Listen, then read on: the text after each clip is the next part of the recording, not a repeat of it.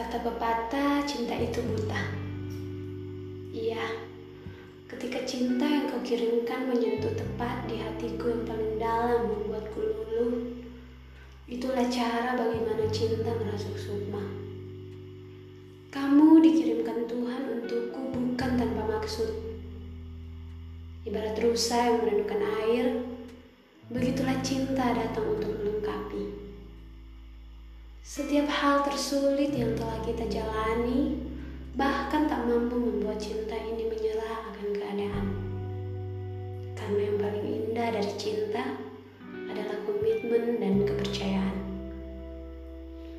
Teringat saat kita selalu duduk berdua dan bercengkrama, membuatku merenung saat ini bagaimana kebersamaan itu bisa terjalin indah dan membuatku tak sabar ingin bertemu. Jarak dan waktu telah mengukir banyak kisah kita. Bukan tentang jarak, tetapi janji yang telah terucap. Terpisah bukan untuk berpisah, tapi bagaimana cara kita mengukir kisah. Ibarat burung di udara, aku hanyalah sebuah butiran debu yang terbawa oleh hembusan angin rindu. Hmm, gak nyambung ya.